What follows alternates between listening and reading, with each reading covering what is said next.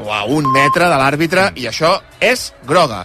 Per tant, li ensenya la segona quadra Fernández, expulsat el petit dels Williams, 43 de la primera, Betis 2, Atlètic Club 0, l'Atlètic Club amb 10 i Nico Williams no podrà jugar a l'Atlètic Club Barça de la setmana que ve. Deixa'm dir que feia 5 minuts ja se les havien tingut Nico Williams amb l'àrbitre i jo crec que li tenia ganes, sobretot per la falta, perquè jo estic com el Molló, que és una pilota dividida, i arriba un punt abans el jugador del Betis, per mi no és groga aquesta falta. No, després està Sí, molt sí. poc intel·ligent eh, Nico Williams aplaudint a la cara l'àrbitre guanyant-se la segona groga deixant el seu equip amb 10 i deixant el seu equip sense la seva participació en aquest duel contra el Barça. Ara mirem a percebuts que té l'equip de Valverde. Sí, estan sobre la gespa tres apercebuts, els dos centrals, Vivian i Paredes, de moment cap d'ells ha vist groga, però sent dos centrals i jugant ara mateix amb 10 l'Atlètic Club, doncs no és descartable que un dels dos vegi groga i es perdi també el partit contra el Barça, i Ruiz de Galarreta, un dels dos jugadors del, del doble pivot del mig del camp de Valverde. Això passa a la primera divisió. A la segona federació eh, espanyola, el grup tercer, on hi ha els equips catalans, aquest migdia recordem el Terrassa ha guanyat 0-2 al camp de l'Andratx, l'Espanyol B ha derrotat 2-1 al Pella Deportiva, per cert, que ha marcat un gol Gastón eh, Valles, el protagonista ahir en la victòria de l'Espanyol al camp de l'Eibar, fa el retall i la centrada en el gol definitiu de Lazo, doncs avui ha estat titular en el partit del filial de l'Espanyol i ha marcat el gol que obria la llauna. L'1-0 l'ha fet eh, Gastón, per tant cap de setmana eh, per emmarcar de, de Gastón, aquest ja el, pot fer un vídeo al, al YouTube i començar-lo a fer circular eh, per arreu d'Europa perquè és un cap de setmana per la història. Aquesta tarda acaba d'arrencar el Cerdanyola Hèrcules, també el Sant Andreu Alzira i el Camp d'Esports de Lleida, un partit amb significat especial. A Lleida Esportiu, Badalona Futur. Allà hi tenim l'Oriol Jové. Hola, Oriol, bona tarda. Hola, Xavi, bona tarda. Ja el tenim en joc, aquest partit. Oriol. Sí, fa un minut i mig eh, que ha començat amb la primera ocasió ja pel, pel Lleida. Molta gent a la graderia. Et diria que la previsió del club s'ha complert. Tenen uns 7.000 espectadors i fa molta patxoca. Per què és especial, uh, Oriol, aquest Lleida-Badalona futur, que així dit uh, de primeres no sembla que hagi de tenir una història molt gran al darrere, per què sí que la té?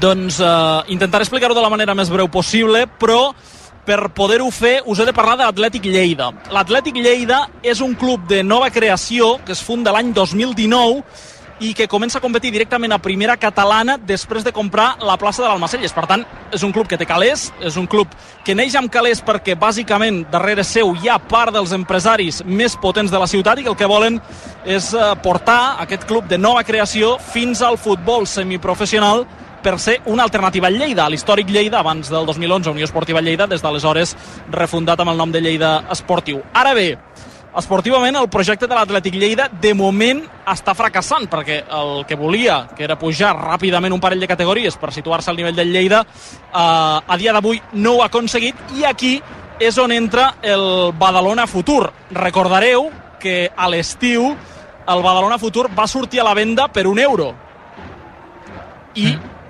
pel, i per assumir també, a, a canvi d'assumir els 600.000 euros de deute que, que arrossega l'entitat. Doncs, en aquest cas, dos i dos eh, fan quatre, l'Atlètic Lleida té calés, el Badalona Futur necessita calés, l'Atlètic Lleida vol pujar eh, categories com sigui per fer un gran Lleida esportiu, el Badalona Futur, que té una plaça a segona federació, la categoria on competeix el Lleida esportiu, doncs eh, era molt fàcil que s'entenguessin. A dia d'avui, ningú oficialment ha comunicat que l'Atlètic Lleida hagi comprat el Badalona Futur, però se sap que ho estaven negociant des de fa mesos, a la ciutat tothom ho dona per fet, tothom dona per fet que aquest Badalona Futur està funcionant amb calés que provenen de Lleida, de l'Atlètic Lleida, i que al final d'aquesta temporada s'acabarà de fer efectiva la transformació i el trasllat del Badalona Futur, que aquest any ja juga a Vic, no juga a Badalona, sinó que juga a Vic, l'any que ve ho farà a Lleida i sota el nom d'Atlètic Lleida. De fet, és habitual que hi hagi representants de tots dos clubs a les llotges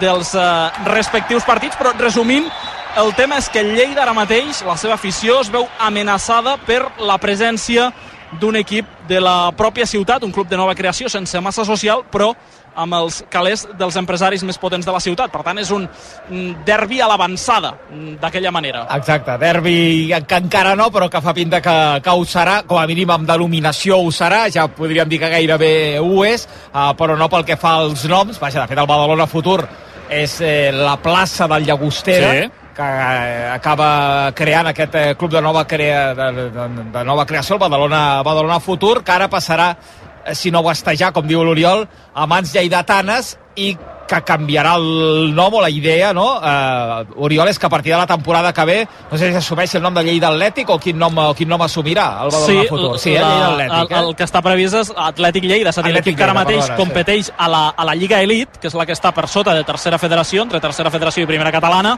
aquest equip comprarà la plaça del, del Badalona Futur a segona federació o a primera federació si, si l'equip puja. Clar, a més aquí, aquí jo crec que Carrau també, també la, la polèmica o, o l'interès eh, encara més gros, i és que s'estan jugant l'ascens dels dos a primera federació. La qual cosa, imagina't eh, que l'Atlètic Lleida jugués a primera federació i el Lleida Esportiu a segona federació, que és el club històric de, de la ciutat, no? Això, evidentment, faria molt mal als aficionats de, de Lleida Esportiu. Sobretot també perquè hi ha en joc el- l'estadi. És a dir, ara mateix eh, Que és municipal, l'estadi. l'estadi és municipal, tot i que hi ha un conveni d'ús eh, en favor del, del Lleida Esportiu, que de fet és quin fa el manteniment, el que si eh, s'ha de reparar una bombeta o es trenca una cadira és qui ha de posar els calés, però sí, l'estadi és eh, de propietat municipal i, i és l'únic de tota la província de Lleida que ara mateix compleix, eh, vaja, s'ajusta a la normativa per poder acollir partits de, de primera federació. Per tant, en cas que el Badalona Futur acabés ascendint a primera federació i l'any que ve sortís a competir amb, amb el nom d'Atlètic Lleida, doncs haurien de negociar perquè, perquè aquest és l'únic estadi on, on es podria jugar i això també és el que fa que la ciutat de Lleida, l'afició, sobretot del Lleida Esportiu, ho vegi com una amenaça, no? L'amenaça de no només tenir un altre equip a la ciutat sense massa social però amb calés, sinó eh, també amb la possibilitat que aquest equip doncs, entri a casa teva, eh, jugui a l'estadi on has jugat tu tota la vida i doncs ho faci amb un altre nom, defensant uns altres colors, però amb, amb gent de la teva ciutat. Que Una història a seguir, eh, evidentment. De moment s'estarà enfrontant Lleida Esportiu Badalona Futur, amb més de 7.000 persones al camp d'esports. No sé si hi ha anava a dir aficionats del Badalona Futur o de l'Atlètic Lleida o no sé de qui, eh, és a dir, de, de l'afició rival hi ha algú avui al camp d'esports o no, Oriol? Uh, no, hi ha, pel que m'han dit Toni Freix a la llotja, que és el president del Badalona Futur, de fet, però afició que normalment se situa darrere la porteria de, de Gol Sud, no hi ha ningú. No, no ha vingut cap aficionat del Badalona Futur, almenys a la zona que habitualment es reserva per l'afició visitant. empatats a 45 punts abans de l'inici d'aquesta jornada saben eh, pendents de l'Hèrcules eh, també, que de moment està empatant a 0 el seu partit, l'Europa que ha ajornat el seu partit perquè jugava contra el València Mestalla en aquesta jornada, però vaja, jugant-se aquesta primera posició que dona accés directe ja a la primera federació i si no de la segona a la cinquena que dona accés en aquesta promoció per pujar a primera federació. Ho anem seguint amb l'Oriol Jové des de Lleida. Ara tornem, Oriol, fins ara. Fins ara, Segona part en marxa a la primera federació, el nou estadi. Mollom. Sí, a veure si hi ha reacció del Nàstic, que està perdent contra el CUE. Nàstic 0, Teruel 2, 2 de la segona. I lesió l'Atlètic Club, al Villamarín. Sí, la tarda és per oblidar dels bascos a Sevilla. Ha caigut Yuri Berchiche. Al lateral esquerre ha entrat García de Albéniz, que és un nano format a l'Ezama, que ha estat cedit a l'Eibar i al Mirandés aquestes últimes temporades i que ha tingut un paper testimonial fins ara a aquest curs a l'equip de Valverde. Compte, però, que marca l'Atlètic Club a la sortida d'un córner, jugant, recordo, amb 10 per l'expulsió de Nico, no se n'alegra gaire Ernesto Valverde, Betis 2, Atlètic Club 1, però ara mateix Guruceta. a un gol ha estat Guruceta, l'autor del gol a la sortida d'un córner, està dins del partit l'Atlètic Club. El eh, eh, 51 de la primera part, n'afegien 6, per tant arribarem ara al descans. Betis 2, Atlètic Club 1. El primer pal, normalment aquí es pentira cap al segon, però aquí la rematada de Guruceta girant bé el coll, és sorprenent el porter del Betis per marcar un gol que li posa vida, li dona vida en aquest sí, sí. partit. Betis 2, Atlètic Club 1 a punt d'arribar al descans. I amb una pluja intensa. Sí, déu nhi eh? I No para, eh? És un No, no, no. patac eh, persistent. A la segona part també en marxa Wembley de la final de la Carabao Cup, Chelsea 0, Liverpool 0. Amb xut d'Endo, el migcampista del Liverpool, desviat al minut 2 de la segona meitat, sense gols, Chelsea 0, Liverpool 0, però la primera l'ha tingut el Liverpool. Sense canvis en aquest descans, recordem que n'ha fet un d'obligat al Liverpool per lesió. Sí, ha hagut d'entrar Joe Gómez en el lloc de Gravenberg, que s'ha lesionat. L'han lesionat. Sí, l'han lesionat, més ben dit, Sí. sí. correcte. I ni hi ha hagut groga, ni vermella, ni absolutament res. De fet, no hi ha hagut ni falta. No ha assenyalat l'àrbitre la falta en l'acció sobre Gravenberg. Veurem si algun dels dos equips fa un pas endavant en aquesta segona meitat o es manté el domini del Liverpool i el Chelsea intentant jugar a la contra. Mira Valverde com busca Sí, quadre sí. Fernández al descans. Va molt calent, sobretot amb l'expulsió de, de Nico Williams, eh, perquè és veritat que a mi m'ha semblat tot plegat una mica exagerat, sobretot la, la primera groga per la falta. Absolutament, eh? jo crec que el Valverde es pot queixar i molt perquè expulsar un jugador per aquest tipus de protestes amb una segona groga, unes protestes tan lleus condiciones molt l'Atlètic Club que jo crec que es veuen en un moment d'aquells complicadors, complicadors de la temporada eh? tot pintava molt bé però eh, juguen avui dijous semifinals de la Copa Uh, després ve el Barça també el diumenge, per tant, sense descans. Uh, se't pot escapar les opcions de Champions, perdent avui si perds el dia del Barça, se't pot escapar la Copa uh, ara amb una lesió, amb una expulsió havent de jugar 45 minuts amb 10 jugadors, bé, eh, realment un escenari d'aquells uh, enverinat. L'única cosa bona ara és el 0-1 de l'anada que tenen de, de la Copa, dic, de la semifinal contra l'Atlético, Sí, que, sí. que com a mínim no, és, és un marcador, tens un gol d'avantatge, Clar, diguéssim. però ara la segona part què fa Valverde? Sí. Fa canvis ja pensant en tot el que ve o, o deixa els titulars Clar, i els deixa esgotar-se? És, és que més amb el 2 a 1 estàs dins del partit, vull dir que ara el Betis queda amb 10 per qualsevol expulsió i hi ha partit. Sí, Vull a dir- més tens Iñaki Williams, que sí. bé, amb l'equip defensant i deixant-lo gairebé com una illa, doncs pots treure algun rendiment. Segurament si el partit està obert el traurà, sí. Però clar, és que la majoria són titulars i avui els desgastarà, sort que encara han de jugar dijous. Ah, Sí, tens l'empat ahir de, de l'Atlètic de Madrid, que a més també avui Sí. fa que encaris el partit amb una il·lusió extra, no? que segurament no, no l'haguessis encarat. Eh, clar, és que veus, veus la Champions allà tan a prop. És complicat, eh, la- l'escenari, realment, Sí. ara en aquest descans per l'Atlètic Club. i que després també veus jugadors, altres jugadors d'altres equips eh, que tots tenim al cap protestar davant de l'àrbitre, posant-se la mà al cap com dient estàs boig i no veuen la groga i Nico Williams, que anava un- una mica calent perquè ja, ja se les havia tingut amb l'àrbitre L'aplaudiment és una cosa que s'ha de Sí. dir que posa especialment Sí. eh, nerviosos els àrbitres, sí. que per reglament, evidentment, aplaudir l'àrbitre Sí, sí. a la cara o relativament a prop sí, sí. eh, suposa targeta groga. Jo discuteixo la primera Sí. groga. Mm, perquè és que a mi em sembla falta i prou. I no, no, no talla res especial, no és una entrada contundent. No sé. No. Tot plegat és exagerat per les dues grogues. Per cert, que com que no hi ha prou coses, acaba d'arrencar el partit del PSG a la Lliga Francesa amb Mbappé de titular. De fet, avui juga aquell 4-2-4 Luis Enrique amb Can Ginli, Mbappé, Dembélé i Barcolà com a jugadors eh, més eh, avançats. Uh, primers 3 minuts, PSG 0, Rennes 0. i al 5 de la segona Wembley, Chelsea 0, Liverpool 0 ho prova el Liverpool per l'esquerra i ha falta en atac de Luis Díaz sobre Gusto mm, protesta l'àrbitre, el colombià.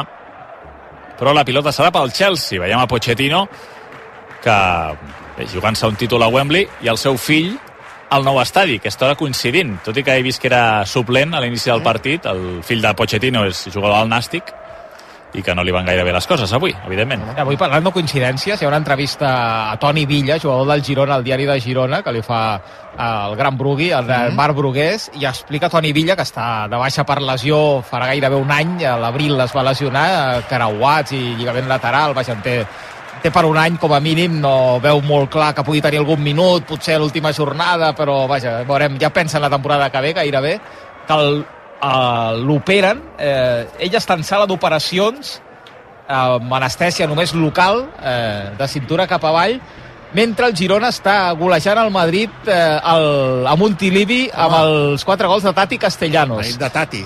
El que el metge li anava dient eh, que, mira, n'ha fet un altre Tati i que ell té un record així com borrós, que no sabia si ben bé era realitat o no, fins que després, quan acaba ja tota l'operació, veu, no? Que, Allò del Tati realment- veritat, que Realment o? sí, que, que han guanyat eh, 4-2, no? Va ser allò, em sembla? 4, Sí, sí. 4-2 al, al Real Madrid. I quatre Dic, del Tati. Dic, just aquell, aquella hora és quan, quan l'estaven operant de creuats. déu nhi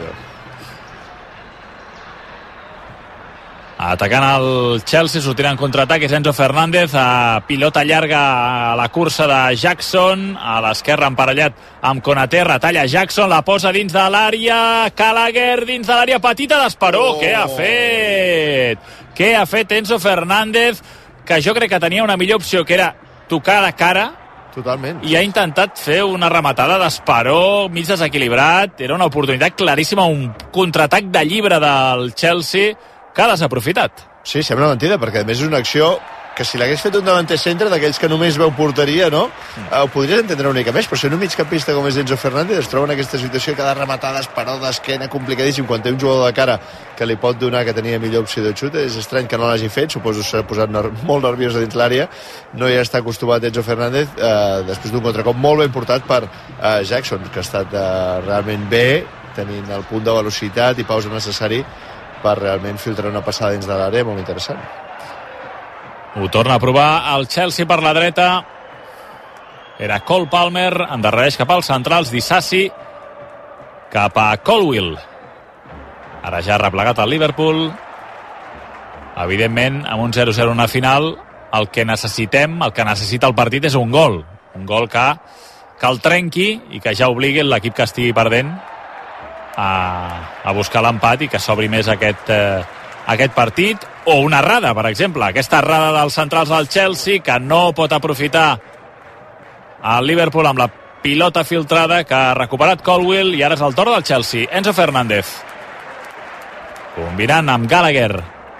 Conor Gallagher obre cap a Cole Palmer a la dreta fent d'extrem.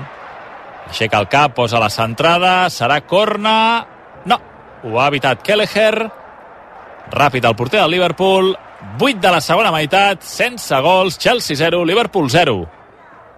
Com ha arrencat el partit al camp d'esports, eh, Oriol? Superat ara el primer quart d'hora, empat a 0 el marcador, però es nota el domini local. Eh? El Lleida està arribant molt més a l'àrea, en pes pel públic local. Avui insistim en una molt bona entrada. De moment cap ocasió clara, clara, clara de gol, 0-0, i amb aquest eh, domini parcial del, del Lleida Esportiu. Tampoc gols a Cerdanyola, Cerdanyola 0, Hércules 0, ni tampoc el Narcisa, la Sant Andreu 0, el Gira 0, i continua parent el Nàstic 0-2 contra el Teruel als 11 de la segona part al nou estadi. Tornem a la cara Bau Cap, Albert. Surt Petrovic de l'àrea per refusar amb el cap, una pilota llarga, ara és Konaté amb el cap que cedeix cap al porter, cap a Kelleher, que bloca i juga amb Joe Gómez amb la seva habitual barba, creuant la línia de mig del camp. La ve a buscar Elliot i juga en estàtic al Liverpool. És Konaté amb Elliot. Feia el desmarcatge Bradley hi ha moltes accions en què Bradley juga per davant d'Elliot.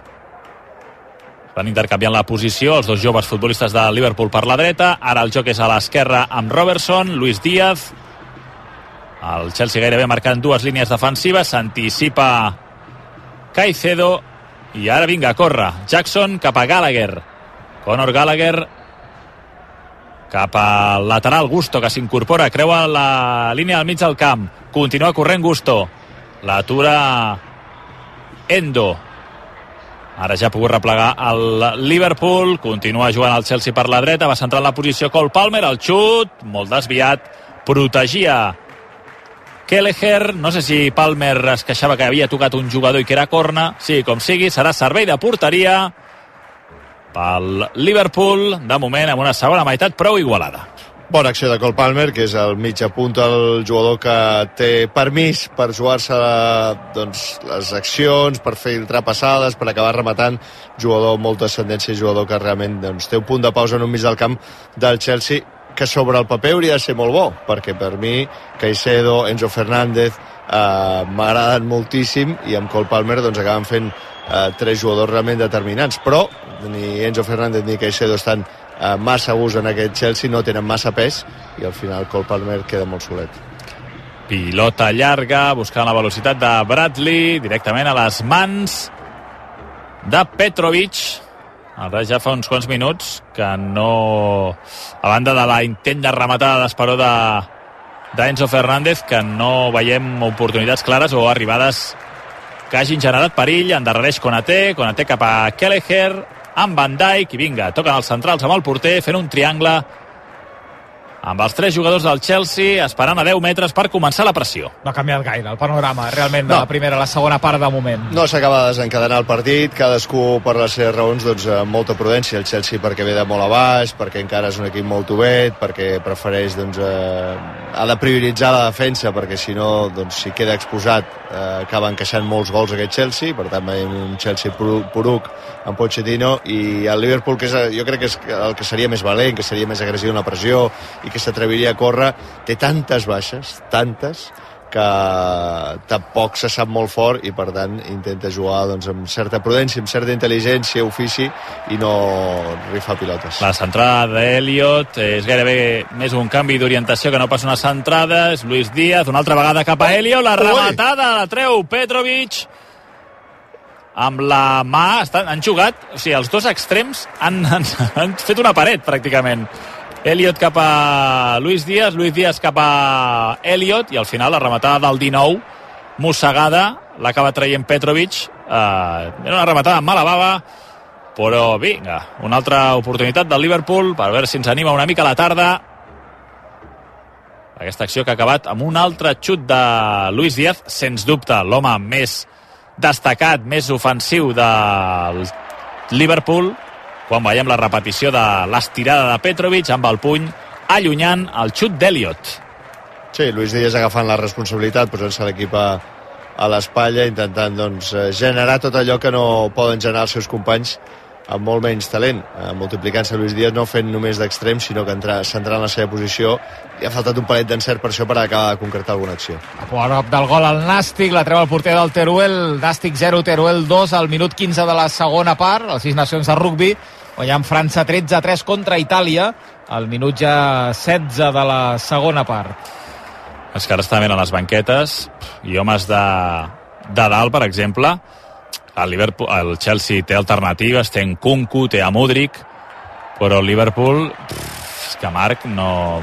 Que davanters, Kumas, Dans i para de comptar. Vull dir, que no sé si farà gaire canvis a la segona meitat Klopp si es manté aquest 0-0. Eh, acabarà fent els canvis quan s'hi vegi obligat, perquè, com dius, no té jugadors realment de, de pes, és que té 11 lesionats al Liverpool, per tant, eh, no té tants i tants jugadors, els bons els té, o els més bons els té ara mateix al terreny de joc, no podrà canviar gaire el partit, com dius el Chelsea sí que té alguns jugadors en Kunku mateix, que està sortint de lesió, això sí, surt de lesió, però és un jugador determinat al davant i Modric també és un jugador molt ràpid que, com hi hagi espais, doncs pot fer mal. Una falta lateral pel Liverpool, tornen a situar-se en fila, la pilota, el segon per la rematada, gol! Van Dijk! Gol, gol, gol, gol, gol, gol, gol, gol del Liverpool, marca Van Dijk, era la tercera acció, o la quarta fins i tot diria, falta lateral que ho provava el Liverpool, amb la mateixa formació dels jugadors esperant la centrada, amb molta potència, venint des del darrere Van Dijk, que pica amb el cap, ajusta la pilota al pal, fa el primer al Liverpool, marca Van Dijk, Liverpool 1, Chelsea 0. Doncs havia intentat en ocasions, en faltes laterals, ha tingut unes quantes al Liverpool, aquesta ha estat la, la bona. Van Dijk s'ha avançat a la defensa londinenca per marcar, fa que sí, amb el cap, que sí, que sí, que guanya el seu equip, tot i les baixes, tot i la lesió a la primera part de Kravenberg, marca Van Dijk en posició correcta, 1-0 guanya el Liverpool. Sí, mal defensat, l'han deixat eh, rematar prou còmodament a Dijk, que és el jugador referència... Bé, còmodament, ara veig que l'han agafat una mica uh, de la samarreta, em sembla que era Chilwell, el que passa és que és molt més baixet que Van Dijk, que s'ha imposat molt, eh, corpulent i amb molt pes. Van Dijk estava fent un molt bon partit, aguantant la defensa i liderant la sortida de pilota i aquí doncs, amb la rematada d'una de les seves accions preferides, el jugador important de Liverpool que ara es posa per davant i ara té un escenari que li anirà molt millor. Eh? Si el Chelsea s'ha d'obrir una mica, podem veure el contracop del Liverpool, que fins ara no l'hem vist per un Chelsea prudent, però com s'obri podrà córrer. Clar, el Chelsea obligat, evidentment. Això és una final, per tant, aquí no, no es pot especular ara ja amb el 0-1 en contra que té l'equip de Pochettino. Bogeria, tots els aficionats sí. del Liverpool avui a Wembley. A més, ah, els... estan revisant possible fora de joc. Sí. Ostres, no hi ha Endon fora de joc, però... Ah, fa una pantalla, estan en fora de joc? No sé, no, no, no sé exactament què estan revisant. Mira, és que Klopp està obrint els braços com dient no sé què esteu mirant, noi.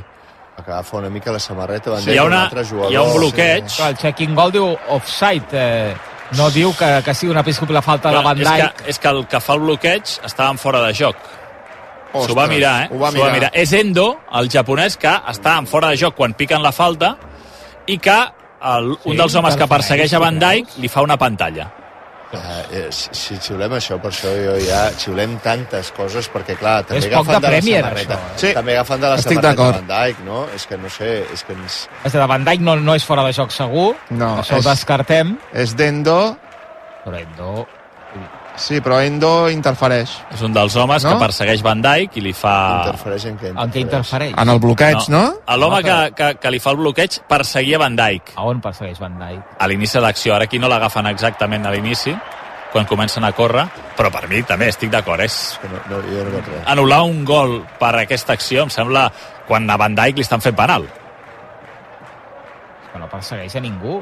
Mira, l'acció és aquesta, Sí, és sí. el, la Van falta Dijk llançada. està amb Chilwell, està amb el seu marcador, ells s'agafen una mica, però s'agafen tots dos. Bé, els, els dos homes que estan amb el, amb el jugador que estan fora de joc... Ah, a veure ara... La... Mira. A veure, O què sigui, diu quan comença a córrer el jugador del Chelsea, Fora, fora de, de joc. joc. Mare de Déu. Doncs ja ho teniu. El Klopp acabarà el partit. mira, mira, mira, mira. Deixeu-me dir que el partit, o la prèvia, ha anat eh, un punt calenta per declaracions de Pochettino, que s'havia queixat de l'actuació arbitral en el partit a l'Anfield.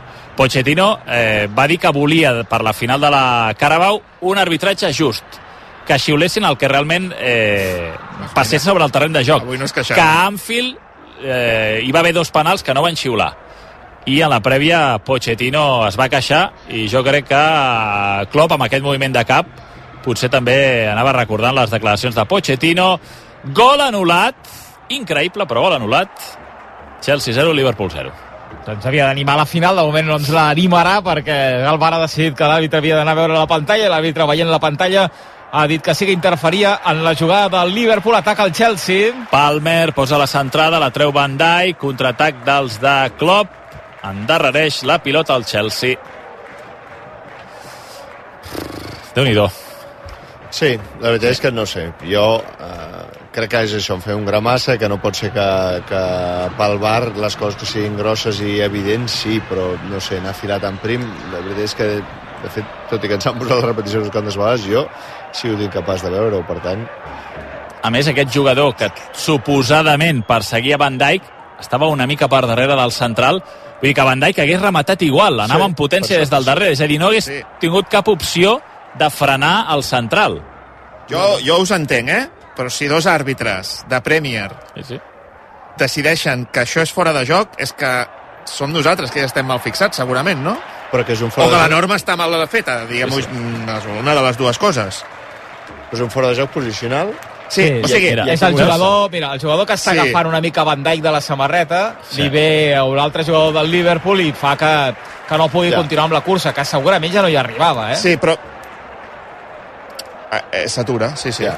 Endo I l'atura i això fa que O sigui- Van Dijk remati sense ningú al darrere. El concepte és que si estàs en fora de joc has de ser pràcticament una, una estàtua. O sigui, no, no, no has de... Gairebé no t'has de moure per entendre. ja, ja, ja ho entenc. Ara sí que ho entenc, que d'alguna manera, doncs... Eh, Endo atura la cursa de Chilwell eh, darrere de, de Van I Dijk. Chilwell estava marcant a Van Dijk i podria Sí. haver rebutjat aquesta Sí. pilota i no la pot rebutjar perquè un jugador en fora de joc l'ha aturat. consideren que, que interfereix. Groga a l'Atlètic Club Molló. Vivian, Ostres! ho dèiem, un dels centrals, apercebut... Ja diu que, que, que hi liga, eh, que Sí? està preparant la rua ja aquí als carrers que- de Barcelona. No, és que Nico Williams i Vivian Gavis Groga estava percebut, per tant, Betis 2, Atlètic Club 1, 2 de la segona part. Recordo que l'Atlètic eh, Club juga amb 10 per l'expulsió de Nico És Williams. que dos defenses titulars, Nico Williams, tres jugadors que no jugaran, perquè Yuri, per poquet que tingui, Sí, sí, clar. vull dir, a més és un habitual de les lesions musculars. I la tarda de Yuri, eh? Lesió i gol en pròpia porta. Vull dir Vull que- dir... Canvia el Chelsea, se'n Sí, va marxa, Sterling. marxa Sterling, sí. Veurem qui entra. Si és eh, Modric, Nkunku... Mira, Nkunku. El futbolista que ara deia el Marc que sortia de lesió, evidentment, és un canvi bé, un jugador d'atac per un altre jugador d'atac. Ara parla amb Nicola Jackson, a veure si hi ha algun canvi de dibuix, si juga amb dos puntes, si Nkunku ocupa la posició de, de Sterling a la banda i ara s'estan recreant les càmeres en, en Jurgen Klopp. Nkunku és un jugador rapidíssim, molt talentós, va fer una temporada fantàstica la temporada passada al Leipzig eh, i van pagar també, com sempre, amb el Chelsea molts milions per ell. Eh, porta ara, jo diria, un parell de mesos lesionat, però està sortint de lesió. A poc bé que estigui en forma, és un jugador doncs, que pot marcar les diferències. Ara veiem el preparador físic sí. de l'Atlètic Club parlant amb el responsable de l'Esteadicam en aquesta banda, que és on hi ha La hagut ja la lesió de Guadalupe Porres, de l'assistent, i dient-li que, noi, que aquí no pots estar, que estem fent exercici d'escalfament i que ens estàs molestant. Sí, sí. Realment, aquest Steadicam del Benito Villamarín portarà cua, ja veig. 22 de la segona meitat a Wembley. De moment 0-0, eh? Resultat que ens portaria a la pròrroga. Ja veu els penals, No, eh? volia penals, però un partit, a veure, si pot ser un 3-3, millor que un 0-0. Vull dir que... Ara aquesta falta lateral Mira, del Chelsea. a veure, falta lateral amb sis jugadors esperant la rematada. És Conor eh, Gallagher amb la dreta, la posarà i veurem si és acció de perill o se n'en surt la defensa del Liverpool. La pilota va al segon pal saltava Colwill no remata, la caça Chilwell la centrada serà corna a favor del Chelsea. Ara els dos equips estan atacant a les porteries amb les seves aficions. De fet hem vist una imatge preciosa de Van Dijk celebrant-ho amb els seus aficionats el gol que finalment ha estat anul·lat i ara doncs aplaudiments darrere de la porteria que defensa Kelleher perquè són els aficionats del Chelsea que esperen veure el primer gol en aquest corna en, diríem defensa zonal del Liverpool. Eh, anava a executar anava a executar el córner al Chelsea però s'ha fet enrere, una altra centrada al punt de penal, hi ha una doble rematada a les mans de Kelleher en Kunku, que no ha sabut eh, ha fet una primera rematada i el segon pal diria que era Dissassi la primera rematada, més el, la rematada del primer pal que pentina i Dissassi que remata que amb la cuixa, no? Sí. Cuixa i després pit, sembla. Li queda una posició molt alçada eh, i li és impossible rematar-ho de cap de les maneres eh, o no, no d'una forma natural i per això no acaba entrant el gol. Arriba a caure la pilota una mica més baixa i, i estem cantant el primer. Doncs Kelleher ha tingut eh, sort perquè ha pogut blocar amb comoditat, la pilota ha agafat molta alçada, ha fet paràbola i l'ha atrapat tranquil·lament el porter del Liverpool a pilota aturada, donat un ensurt al Chelsea, ara ho prova el Liverpool, és Luis Díaz, quina cursa, Luis Díaz, marxa en un, marxa a dos, es va centrant, la deixa cap a Gakpo, fora! El xut de Gakpo, quina acció de Luis Díaz, començant des de l'esquerra, anar centrant la posició, marxant d'un, marxant de dos, arribant gairebé a la frontal i abans de xutar ha vist bé a Gakpo, la rematada del davanter centre per sobre del travesser, sens dubte, Luis Díaz, la principal amenaça del Liverpool de Klopp. Sens dubte, el millor jugador del Liverpool intentant eh, tirar més de rauxa i d'empenta i jugant molt sol, eh, malauradament, i els seus companys que no acaben de tenir la rematada. Capco, que no, no participa massa del joc, no, no genera amb les seves accions i tampoc les està rematant. N'ha tingut una de cap a la primera part i ara desaprofitant aquesta també, com a mínim, ha d'anar entre els tres pals aquesta rematada. Partit molt igualat, eh, cap dels equips, ni Chelsea ni Liverpool, s'imposa amb el seu joc, però van tenir algunes ocasions. Veurem de, cap a, de quins costats surt la moneda, perquè sembla que el primer gol pot ser determinant. Eh? Sí, bé, Grini treu Ximi Àvila, eh, jo crec que treu el perill d'una possible expulsió, Té una groga. perquè és un Sí, sí, home sí. sí. calent i ja el veia amb alguna picabaralla, algun Sí, sí, sí, enfrontament sí, amb eh, Luis Ruiz de Galarreta, pues, estava una mica escalfadet. Uh, per cert, a Alemanya, on s'ha acabat l'entrat de Frankfurt 2, Wolfsburg 2, l'entrat que continua lluny de les posicions de Champions, afortunadament pel meu gust, uh, està perdent el Dortmund, Borussia Dortmund 0, Hoffenheim 1. Uh, partit que està al minut 4 de la primera part i ja perd el Dortmund. El Nàstic perdent 0-2 a casa contra el Teruel. És entretingut el Lleida Esportiu Badalona Futura al camp d'esports, Oriol? Si ens eh, basem per les ocasions que està ben, no gaire. Ara ha estat a punt de tenir-ne una de clara al Lleida, un xut a porteria d'Òscar Rubio que ha aturat eh, Ortega, el porter del, del Badalona Futur. Els eh, badalonins o, o, o bigatans eh, que amb el gentilici una mica fan, fan, fan dubtar. Han hagut de fer un canvi per lesió el Badalona Futur, ha marxat Cortés ha entrat eh, Barrero però poca cosa més a explicar, passem pel minut 34, 0-0 al marcador. En els altres partits guanya el Sant Andreu 1-0 contra l'Alzira, el Narcís Sal empat a 0 el Cerdanyol a casa contra l'Hèrcules. I tenim interessant el França-Itàlia, el 6 nacions 13 a 6 guanyant França, però Itàlia uh, un assaig de poder mm, igualar el marcador. Veurem eh, si ho acaba aconseguint o no la selecció italiana. Ai. Canvi a Liverpool. Mm, entrarà Clark amb el dorsal 42. Marxa Conor eh, Bradley. Doncs tirant de la gent jove. Klopp és que no, no té cap altra opció. Exacte, no té cap opció i, i traient gent jove, eh? Sí, sí. El que passa és que el que surt encara és més jove, 19 anyets, un anglès, un migcampista, per entrar per Bradley, aquest lateral dret que avui ha hagut de jugar de migcampista per aquestes lesions i tantes lesions que va tenint el Liverpool durant el partit. No ha pogut destacar Bradley i això que ha fet algun partidàs aquesta temporada Uh, però bé, s'ha esgotat al mig del camp i ara entra un altre nano, 19 anyets, cares molt joves del Liverpool que tira de planter. L'ha tingut l'Atlètic Club al Villamarín. A punt Berenguer, fregant el pal, l'Atlètic Club jugant amb 10, entra Nico Williams, uh, perdó, Iñaki Williams, Nico està expulsat, Iñaki Williams ha entrat, ha fet una sessió molt bona enrere cap a Berenguer, des de l'interior de l'àrea, Rosca, fregant el pal esquerre de la porteria del Betis. Betis 2, Atlètic Club 1, l'Atlètic Club amb 10, però va arribant al 9 de la segona part. Atacant el Liverpool, 72 de partit, és Clark, primera bola que toca el jove futbolista del Liverpool que acaba d'entrar al terreny de joc, serà no sé si és corna o banda, la centrada l'ha tocat Chilwell i serà servei de cantonada, ja pujant els uh, centrals, s'incorpora Konaté, s'incorpora Van Dijk, les principals armes en aquest uh, joc, uh, en aquestes jugades d'estratègia, aquestes jugades de corna, a punt d'arribar l'últim quart d'hora de partit sense gols a la final de la Lliga de, a la Copa de la Lliga. Chelsea 0, Liverpool 0. Marca jugada McAllister.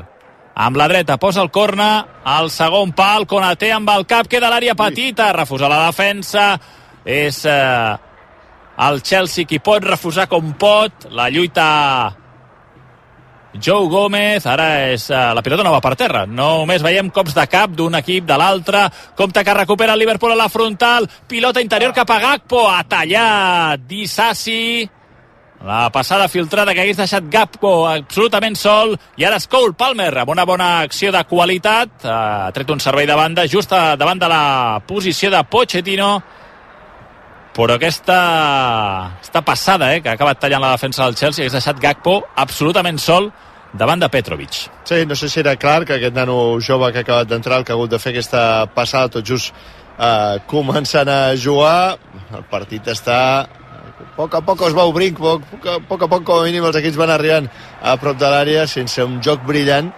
però a base de jugades aïllades doncs es van acostant i la sensació de que el que marca el primer mm. s'endurà aquesta final de la, la Carabao Cup. Mm. A veure, buscar en Kunku, que està jugant entre línies, fent com de mitja punta, per darrere de, de Jackson, ara atacant en estàtica el Chelsea, vol una mica més de pilota Pochettino, és Gusto, el lateral dret, amenaçar amb la centrada, deixa cap a Cole Palmer, gairebé sobre de la línia de banda, torna a jugar amb Gusto, a la zona de tres quarts eh, tocant el Chelsea, és Cole Palmer, té un un contra un, ho pot provar el jugador del Chelsea, la rematada al pal! La sentada, la rematada d'Esperó de Conor Gallagher i el pal claríssima del Chelsea. Gran rematada, gran recurs perquè la centrada és forta i gairebé és l'únic que podia fer Conor Gallagher amb el... Un toc no subtil, sé, eh? Sí, és més un toc eh, subtil que no pas d'Esperó i és que no ha entrat de miracle. Ho torna a provar el Chelsea, recupera la defensa del Liverpool. Pel la primera part de Gakpo pel Liverpool, ara pel, eh, pel Chelsea, això però no mou ningú, Chelsea 0, Liverpool 0. Col Palmer, eh? una altra vegada, el jugador clarivident, el que sap aixecar el cap, el que sap veure els seus companys i canviar una mica el ritme per part del Chelsea, eh, per part del Liverpool està sent Luis Díaz, els dos jugadors més destacats que poden desencallar aquest partit que sembla que de moment doncs, està entossudit en mantenir-se aquest 0-0. Sí, sí, bon recurs s'ha tret aquí de la butxaca Gallagher perquè la centrada era forta i gairebé ha fet el que ha pogut, tocar-la, allunyar-la del pal del porter i no ha marcat de miracle. Atacant el Liverpool, Tenim el partit empatat als Sis Nacions. Eh, assaig i transformació per eh, l'equip italià, que està jugant, és veritat, amb un home més, des de l'últim minut de la primera part. Li han escoltat un jugador de la selecció francesa, per tant, jugant amb 14. Eh, 13-13 i queden 10 minuts de, de partit ara mateix a França. Cugat Comas Hmm. suant a casa seva eh, com un vedell ara mateix amb la seva selecció francesa. No, seria una gran sorpresa, no? A Wembley, 7 xuts al Chelsea, 13 del Liverpool, que ho torna a provar. Elliot fa la centrada des de la dreta cap a Robertson, fa una segona centrada amb el cap, queda la frontal, McAllister volia fer girar-se, era molt complicat, i el contraatac és del Chelsea, Jackson. Jackson, que la sensació que, si no té metres per córrer, és que gairebé no l'hem vist, i ara ho ha tornat a provar i ha forçat un servei de, de lateral, la posa ràpidament en joc al Chelsea, un contra un de Palmer, la posa dins de l'àrea, Gallagher fa la mitja volta, rapidíssim Van Dijk, una altra vegada Palmer, Palmer i Luis Díaz, eh, els homes dels partits, de, de, dels homes més destacats, el Liverpool, el colombià, i el Chelsea, el futbolista anglès, el jove futbolista anglès, que cada vegada que rep a l'extrem és un, és un mal de cap per la defensa del Liverpool. Sí, els hi falta una parella avall, per això els hi falta una mica dins de l'àrea, algú que remati tot el que ells generen. Està faltant aquesta rematada, està faltant aquest gran davanter centre.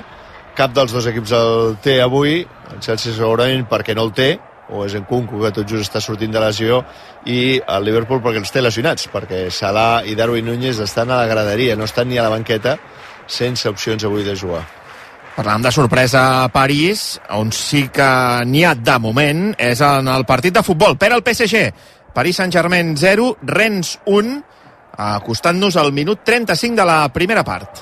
Per cert, no hi ha hagut cap rebuda especial a Mbappé, avui que era el primer dia que tornava a jugar a París després de comunicar al club no ha estat un anunci de fet, però sí que ha comunicat al club que, que no continuarà a partir del 30 de juny.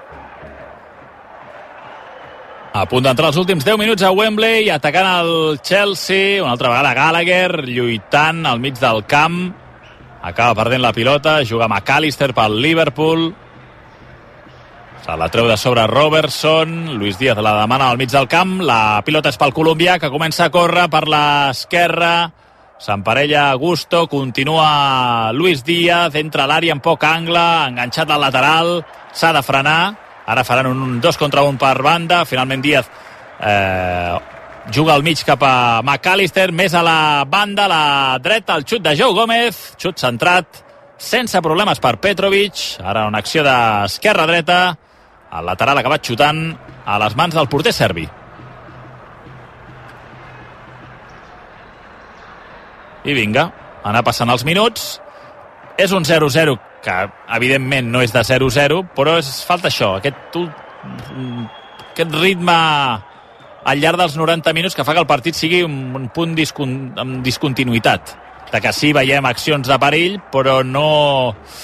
Li falta un punt de continuïtat. No hi ha un dominador, clar, no hi ha ningú que s'imposi especialment ni en la pressió ni, ni en la combinació, eh, tots dos van lluitant, cada vegada a mesura que van passar els minuts cada vegada hi ha més espais, vulguis que no o més errades o més desgast d'un i altre equip i per tant més opcions d'arribar a l'àrea eh, però no, no hi ha ningú que realment s'hi en posi l'altre i això fa que vagin arribant les ocasions gairebé de manera regular i metòdica per un costat i per l'altre, pels blues i pels reds.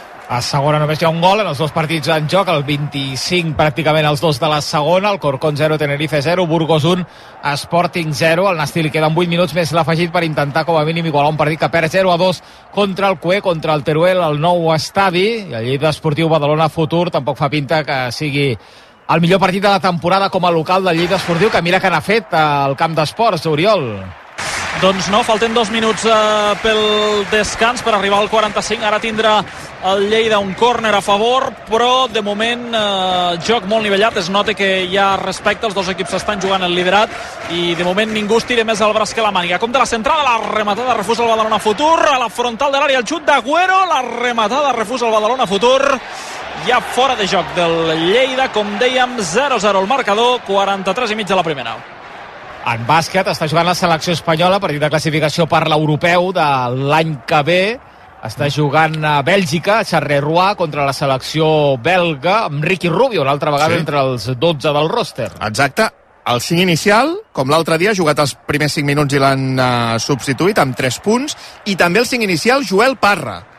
Per tant, uh, Joel Parra, que mm, havia de tornar divendres al matí a Barcelona per un problema al turmell. No tan sols s'ha quedat, sinó que està el 5, o ha estat el 5 inicial d'aquest uh, partit. Per tant, uh, Bèlgica 9, Espanya 9 a l'equador del primer quart. Dani Aguilar, està ahí Johan Cruyff. Hola, bona tarda.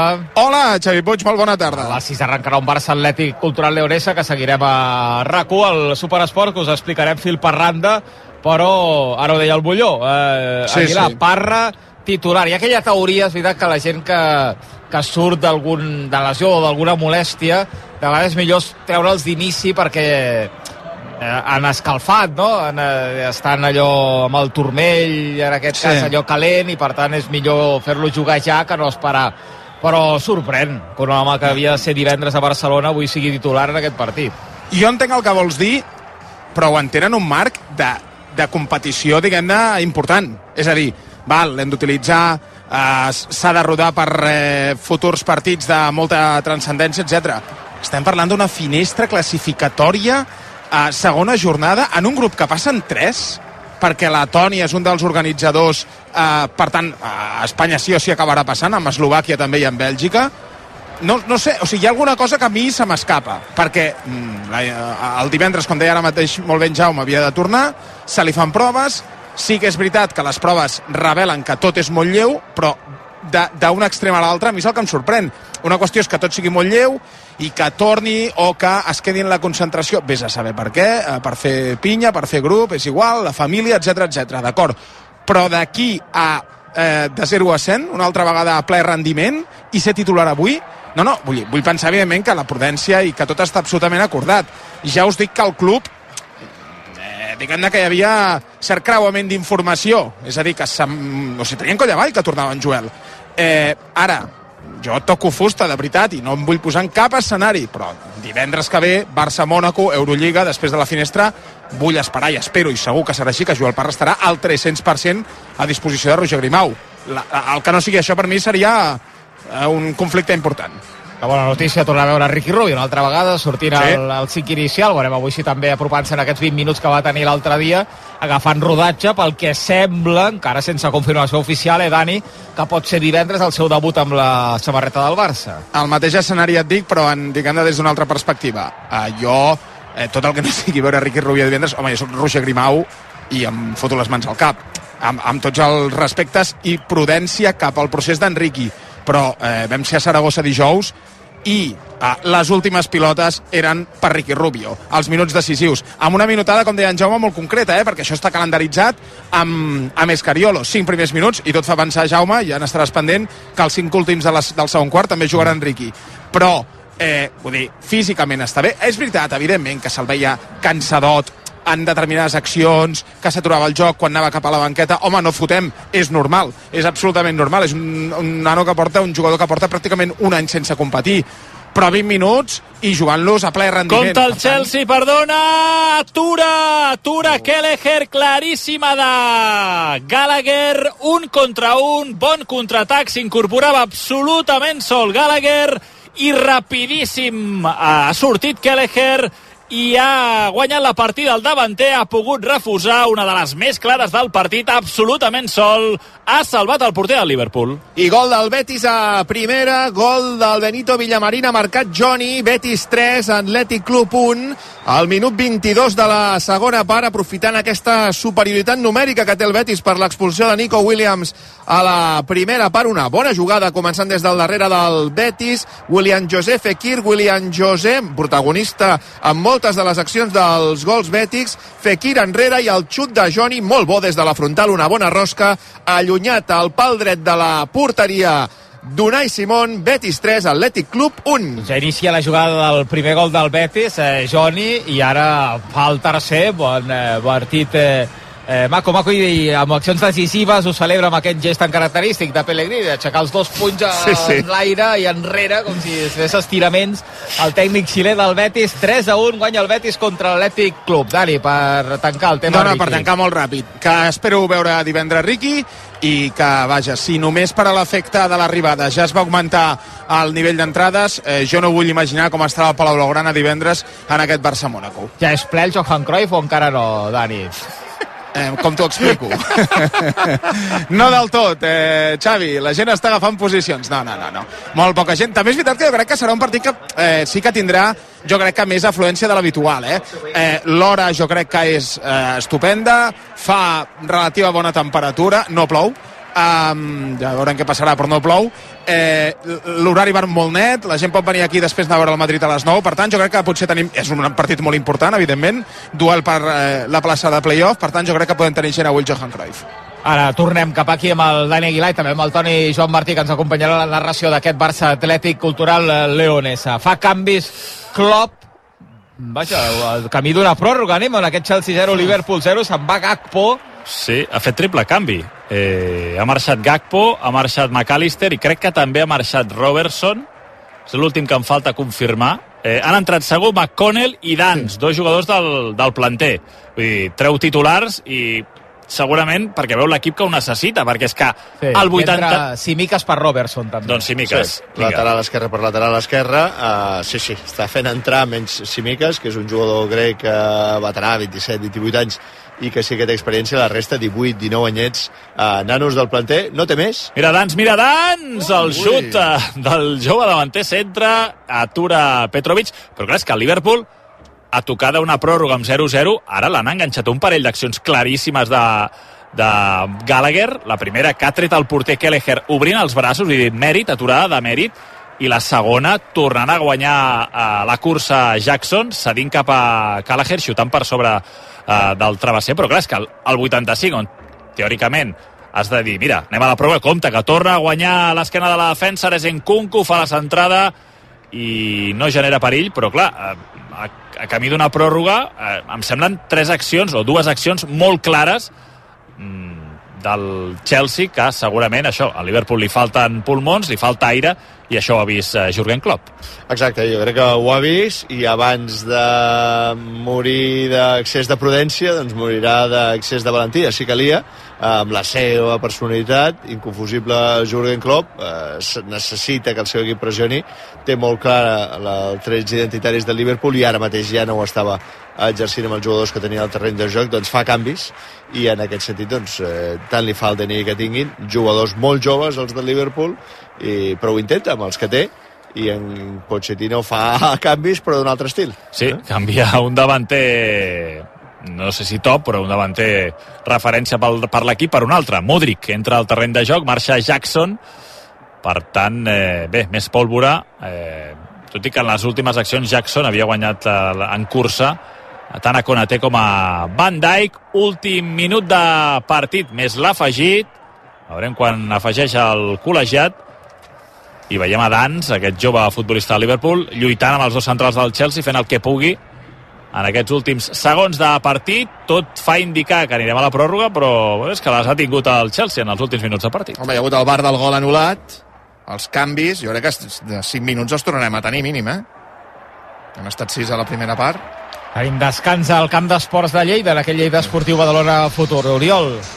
Sí, mitja part, eh, encara amb el marcador per estrenar, 0-0 entre el Lleida i el eh, Badalona Futur, amb lleuger domini del Lleida Esportiu, dels locals, que ho han traduït amb dos xuts en perill.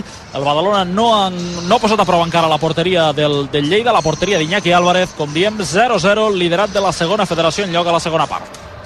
Ha acabat el partit del eh, Sis Nacions de rugby amb empat a 13 i amb una errada eh, en un xut a pals d'Itàlia en Oh. l'última acció del partit. Oh. Un cop de càstig, la pilota ha anat al pal. Ostres! Ostres. Itàlia es queda sense victòria a camp francès amb un empat a 13, però veiem cares d'absoluta desesperació dels sí, jugadors sí. italians aprofitant una oportunitat històrica de guanyar el camp de França. Després ho analitzem i ho expliquem amb el Francesc Gómez i el Cugat eh, Comas, que diu que el partit ha estat eh, xulo-xulo. Bo de, bo de veure aquest empat a 13 entre França i Itàlia. Segurament Cugat Comas deu pensar el mateix. Quant d'afegit a Wembley? 6, 6 d'afegit, som ja al 91. És que sembla que el Liverpool hagi de marcar un gol sí o sí i el Chelsea surti a la contra. Vull dir, és que ara ha tornat a sortir amb tres futbolistes des del mig del camp, la defensa del Liverpool al mig del camp i una altra vegada per velocitat ha creat perill amb centrada de Mudrik que ha acabat en un no-res, però és que clar, la pròrroga mm, veig bastant més sencer al, al, al Chelsea. Sí, té una identitat molt clara, per això Jurgen Klopp i el seu Liverpool i l'exerceix amb els jugadors siguin els que siguin. Eh, molts eh, jovenets, com dèiem, i en canvi el Chelsea doncs com l'entrada de Modric eh, per Jackson permet que en conclusió de punta. Compte, compte, la rematada es llença a terra Konaté, ara Kelleher, rematada, tercera, quarta, atura Kelleher, quatre rematades en 5 segons, i vaja, Kelleher, la defensa, una altra vegada el porter del Liverpool, quina bogeria, increïble que aquest partit no l'acabi guanyant el Chelsea pel que hem vist els últims 7-8 minuts, perquè està atacant moltíssim, sobretot a base de contraatacs. Enkunku l'ha tingut, a terra a Konaté, una segona rematada, una tercera, i la final, una altra vegada d'Enkunku a la frontal de la petita, li ha sortit un xut centrat i fluix, que ha pogut aturar Kelleher eh, increïble. De manera una mica estranya, eh? És un porter no molt ortodox en les formes, però efectiu de moment, Marc. Eh? Sí, sí, perquè aquesta última aturada l'atura amb el peu, eh, peu estant dret, semblava com que si el joc estigués aturat, i no ho estava ni molt menys, quatre rematades de dins de l'àrea del Chelsea. Posa el corner, surt Kelleher, Valent. toca amb, el, amb la mà i vinga, el contraatac és del Liverpool, és uh, Dans. Eh, Dos finalment, quatre. sí, eh, Luis Díaz cap a Elliot, una altra vegada Díaz entra a l'àrea, envoltat de tres jugadors del Chelsea, és impossible que pugui sortir-se'n, l'acaba robant el conjunt de Londres, però Luis Díaz s'ha aixecat rapidíssim, l'ha lluitat, finalment pels de Pochettino, hi haurà falta sobre Cole Palmer, sí, no? L'ha xiulat, correcte. Estava a punt de trucar d'encarregar el berenar ja Marc Guillén amb aquesta ocasió del Chelsea, però haurà d'esperar, Marc, el, el berenar. Tindrem més estona, tindrem més estona de futbol, eh? cap problema, cap problema. S'estan mirant un possible penal, a mi m'ho sembla, a favor de l'Atlètic Club al Villamarín. Betis 3, Atlètic Club 1. Uh, ex recordo expulsat Nico Williams a la primera part. No podrà jugar el, el partit contra el Barça de la setmana que ve. Ho intenta el Chelsea per l'esquerra. Sí, és Modric, la lluita amb Joe Gómez, guanya la cursa el defensa del Liverpool, la pilota però encara en zona de tres quarts de l'atac del Chelsea, serà falta, falta sobre Modric, l'ucraïnès, serà una falta que no penjaran perquè ràpidament Enzo Fernández la posa en joc, és l'argentí fent d'extrem, volia fer un túnel el seu defensor no se n'ha sortit i se la treu gairebé de sobre el Liverpool que ja només pensa en arribar al final dels eh, 96 minuts. Perquè ho està passant malament l'equip de Klopp. I ara mateix, evidentment, esperant que el col·legiat Chris Kavanagh xiuli al final del partit. Som al 94, hem d'arribar al 96. Finalment no hi ha penal, potser sí que el toc és lleu, veient una altra repetició. Valverde es queixava una mica a l'àrbitre Quadra Fernández. Chelsea acabant molt millor aquesta final de la Carabao Cup, però eh, fallant tantes ocasions que és d'aquells moments en els que dius no sé si te'n penediràs d'això, perquè en un partit així eh, no es pot fallar tant, el Chelsea n'ha tingut masses d'ocasions i no han acabat rematant cap, veurem el que passa el Liverpool amb jugadors molt tendres, molt jovenets, amb poc talent al davant, poques opcions del Liverpool sembla, però veurem, perquè això anirà cap a l'èpica en una pròrroga ja pot passar qualsevol cosa. Espera, espera, encara pot tenir un últim al Chelsea. Ha tallat Konaté. I la mou Jou Gómez a camp propi. La ve a buscar Elliot, la puntada buscant la cursa de Dans. Talla al mig del camp del Chelsea, la lluita en Konaté i Conor Gallagher. Hi haurà una última falta. Som a mig minut del 96, és una falta a uns eh, 40 metres de la porteria, que en principi hauria de penjar el conjunt de Pochettino i seria ja l'última acció del partit. De moment amb aquest empat a 0, Chelsea 0, Liverpool 0. Molt centrada, eh, per tant difícil de penjar-la directament en el, primer, en el primer colpeig. Potser haurem de fer una passada prèvia i després centrar-la, perquè des d'aquí al mig serà difícil de generar perill, però és que realment s'ha complert el temps. Vull dir que Aquesta no bebé la xuta, gaire. eh? Bebé? Sí, tant. Eh? Home, i el sembla, li sembla massa propera. Jo crec que l'endarrereix una mica més. I Cristiano. I el Caraz, que també l'ha xutat totes, el Cádiz. A veure, sí, en curt. Com eh, triguin gaire... Mira, Compte la Ui! central al segon pal, l'ha deixat passar molt confiat Konaté, es perd per la línia de fons, jo crec que ara ja no sé si esperarà que l'àrbitre ja, ja està. ha xiulat, no? Sí, ha xiulat el col·legiat eh, Cabanach al final del partit sense gols, amb oportunitats, amb pals, amb un final eh, amb moltes oportunitats del Chelsea, però sorprenentment, no s'ha mogut el marcador. Chelsea 0, Liverpool 0. Doncs 30 d'afegit, no dieu que està poc carregat el calendari d'Anglaterra, doncs mira, 30 minuts més a les cames, és veritat, de pocs titulars del Liverpool, tot i que alguns hauran de ser, perquè té tantes baixes, i també 30 minuts més a les cames dels jugadors del Chelsea. Aprofitem per actualitzar-nos amb el Pol Prats. Hola, Pol, bona tarda. Bona tarda. Les coses que passen al món fora dels esports, per on arrenquem? Doncs fent un cop d'ull al trànsit, perquè a aquesta hora ja hi ha algunes retencions importants de l'operació tornada d'aquest diumenge. Servei Català de Trànsit, Finaraque. A la C58, entre Badia i Cerdanyola, en sentit Barcelona,